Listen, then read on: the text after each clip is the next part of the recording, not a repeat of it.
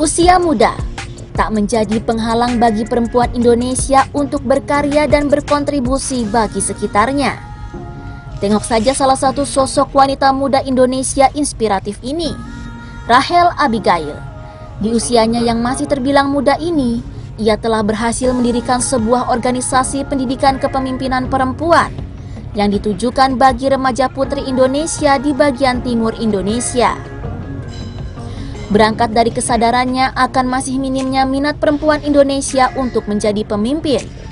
Rahel memberikan kurikulum pelatihan kepemimpinan gratis bagi remaja putri Indonesia, khususnya di bagian timur Indonesia.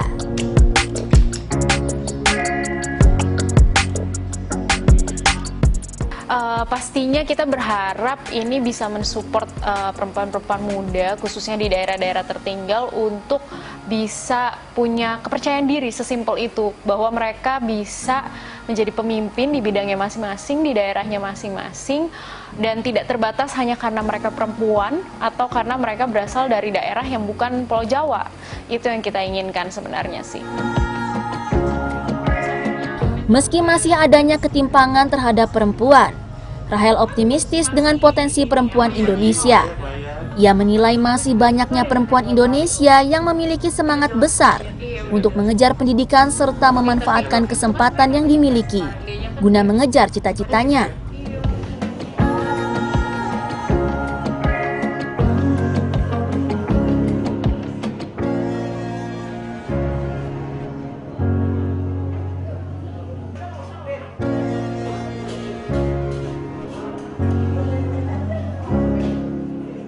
Sama halnya dengan Rahma, salah satu sosok perempuan muda Indonesia ini teguh mengejar cita-citanya untuk menjadi wirausaha muda.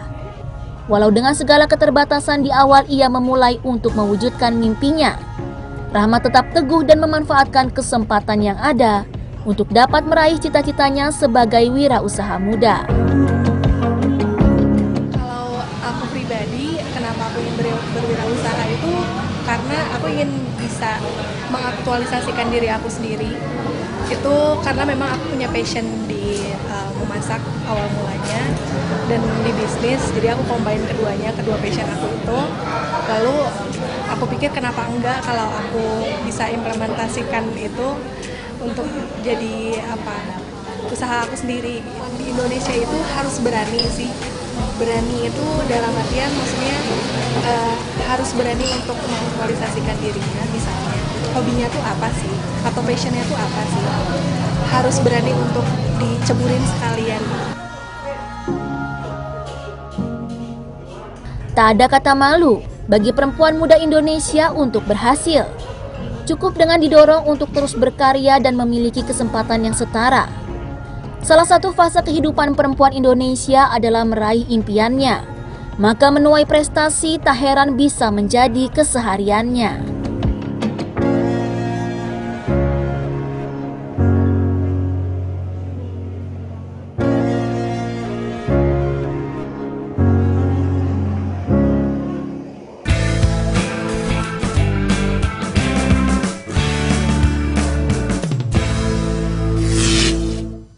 Nah, aku penasaran nih tadi yang disebut bahwa ada tokoh yang muda berprestasi dan bisa kita hadirkan.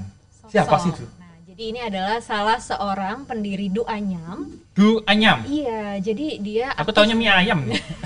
beda. oh, beda ya? Oke.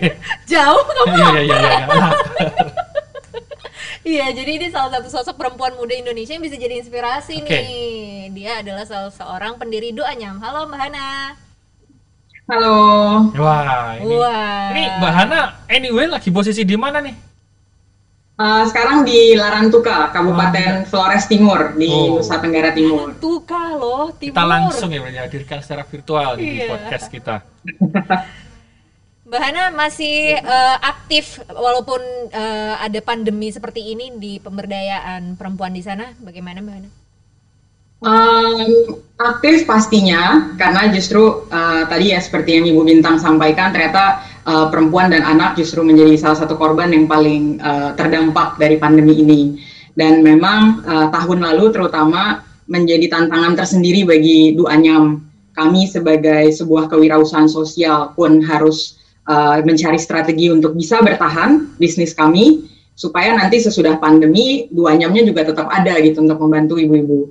Tetapi di saat yang bersamaan kami harus memastikan gitu bagaimana uh, ibu-ibu yang sudah bekerja dengan kami ataupun ibu-ibu lain yang ingin uh, bekerja dengan kami itu bisa uh, mendapatkan dampak. Gitu. Jadi beberapa uh, adaptasi yang kami lakukan dan memang salah satu adaptasi yang paling uh, besar dan menurut kami adalah uh, apa ya berkat di balik pandemi itu adalah kolaborasi dengan Kementerian Pemberdayaan Perempuan dan Perlindungan Anak yang didukung oleh pemerintah Inggris juga. Jadi um, saya sendiri latar belakangnya community development gitu.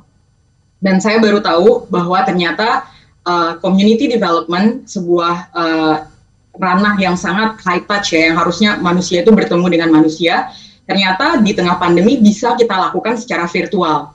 Yang katanya perempuan itu tidak ramah terhadap teknologi maupun digital dunia digital ternyata dengan kolaborasi tiga lembaga ini justru kami berhasil melatih uh, lebih uh, dari 100 sampai 200 uh, pengusaha perempuan ultra mikro dan mikro di enam kabupaten kota yang duanyam sama sekali tidak pernah turun ke lapangan. Dan ternyata bisa gitu kita tetap berbenah UMKM kita selagi pandemi ini. Bahana duanyam itu apa sih sebenarnya? Maksudnya uh, core-nya bergerak di bidang apa nih? Mungkin sobat antara ada yang belum tahu nih bukan jualan ayam yang pasti. itu ayam tadi. Sering dibilang du ayam, du ayam. Kalian jualan Harus ayam berani, ya? Mbak. Ya. Kami ya, tidak jualan ya, ayam. Uh, jadi du anyam itu singkatan dari dua anyam. Dua itu dalam salah satu dialek di NTT artinya ibu, lalu anyam. Jadi sebenarnya singkatannya artinya ibu menganyam gitu. Dan uh, kami sendiri sejak tahun 2014 uh, dimulai dari Kabupaten Sika waktu itu uh, kita bekerja dengan ibu-ibu melihat gitu bagaimana perempuan bisa memanfaatkan uh, kekayaan uh, alam maupun keterampilan yang sebenarnya turun temurun sehingga dia bisa uh, mendapatkan pendapatan lebih untuk dirinya maupun untuk anak-anaknya. Dan kita melihat bahwa ada keterampilan menganyam suatu keterampilan yang sudah menjadi bagian dari kehidupan sehari-hari perempuan diturunkan. Bahkan kalau dulu di antara perempuan NTT itu katanya generasi mama saya kalau misalnya mau menikah itu harus tahu hmm. menganyam, menenun dan memasak hmm. gitu. Oh, Jadi memang gitu sudah ya, turun temurun. Nah ini yang kemudian kita coba untuk manfaatkan bahan bakunya banyak, uh, tradisinya ada dan uh, lebih cepat turnover uang tunainya dibandingkan mungkin keterampilan kerajinan tangan yang lain. Nah dari situ kemudian kita coba dampingi untuk uh, berikan pelatihan, kita berikan inter, apa uh, dampingan untuk uh, desain produk sampai ke akses pasarnya sendiri gitu. Jadi keterampilan menganyamnya di ibu-ibu. Saya sendiri tidak bisa menganyam gitu, tapi ibu-ibu yang bisa menganyam, kami membantu men, uh, mengembangkan rantai pasoknya, membantu supaya produk-produk dari desa bisa sampai ke pasar global. Sekarang saya coba tanya pendapatnya Bu Bintang nih bahwa ternyata ada Bu pola yang bisa dikelola seperti Mbak Hana tadi untuk bagaimana kita merangkul perempuan-perempuan di daerah itu untuk bisa mengembangkan ini pendapatnya gimana? Uh, tadi juga saya sampaikan kalau dengan doanya kita udah seperti apa yang disampaikan Hana kita udah hmm. kerjasama ya. Hmm. Salah satunya juga uh, Hana juga ikut uh, pendampingan terkait dengan model home industry ya home yang yang yang kita lakukan di model di yang dilakukan di Kemen PPA. Nah ini suatu model yang bagus. Nah kita harus melihat kalau kita ketika kita mengingin mengembangkan suatu usaha, memang kita berangkat dari potensi apa yang ada, kemudian talent masyarakatnya apa. Nah, ini akan mempercepat proses daripada keberhasilan daripada usaha yang dibangun. Nah, kami menyampaikan apresiasi ini memang Mbak Hana dengan teman-temannya seusianya mereka bergabung saya berikan apresiasi yang luar biasa dan mudah-mudahan ini menjadi motivasi penyemangat bagi perempuan-perempuan muda yang ada di Indonesia. Itu baru beberapa perempuan bergabung. Itu baru satu leader satu, programnya. Iya, iya. betul. Namanya banyak. Bagaimana kalau banyak kalau seluruh Indonesia kayak gitu ya, Bu? Betul. Bisa nggak kerja aku. lah, udah udah pada mandiri. aku tuh udah takut. nah benar kalau misalnya ada seperti itu kan bisa memberikan bargaining position bagi perempuan ya jadinya kekerasan yang terjadi per, uh, kepada perempuan, Setuju, KDRT, nah itu akan bisa ditekan.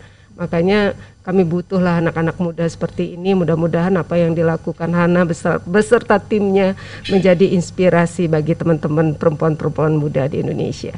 Nah, terakhir ya Bu Bintang. Hmm. Ajakan untuk perempuan muda Indonesia untuk lebih berdaya dan lebih luar biasa. Uh, saya ingin menyampaikan, tadi sudah berkali-kali saya sampaikan yang pada intinya saya ingin mengajak perempuan-perempuan muda ya sekarang akses sudah terbuka selebar-lebarnya dengan di era globalisasi dan kemajuan teknologi ini manfaatlah manfaatkanlah sebaik-baiknya.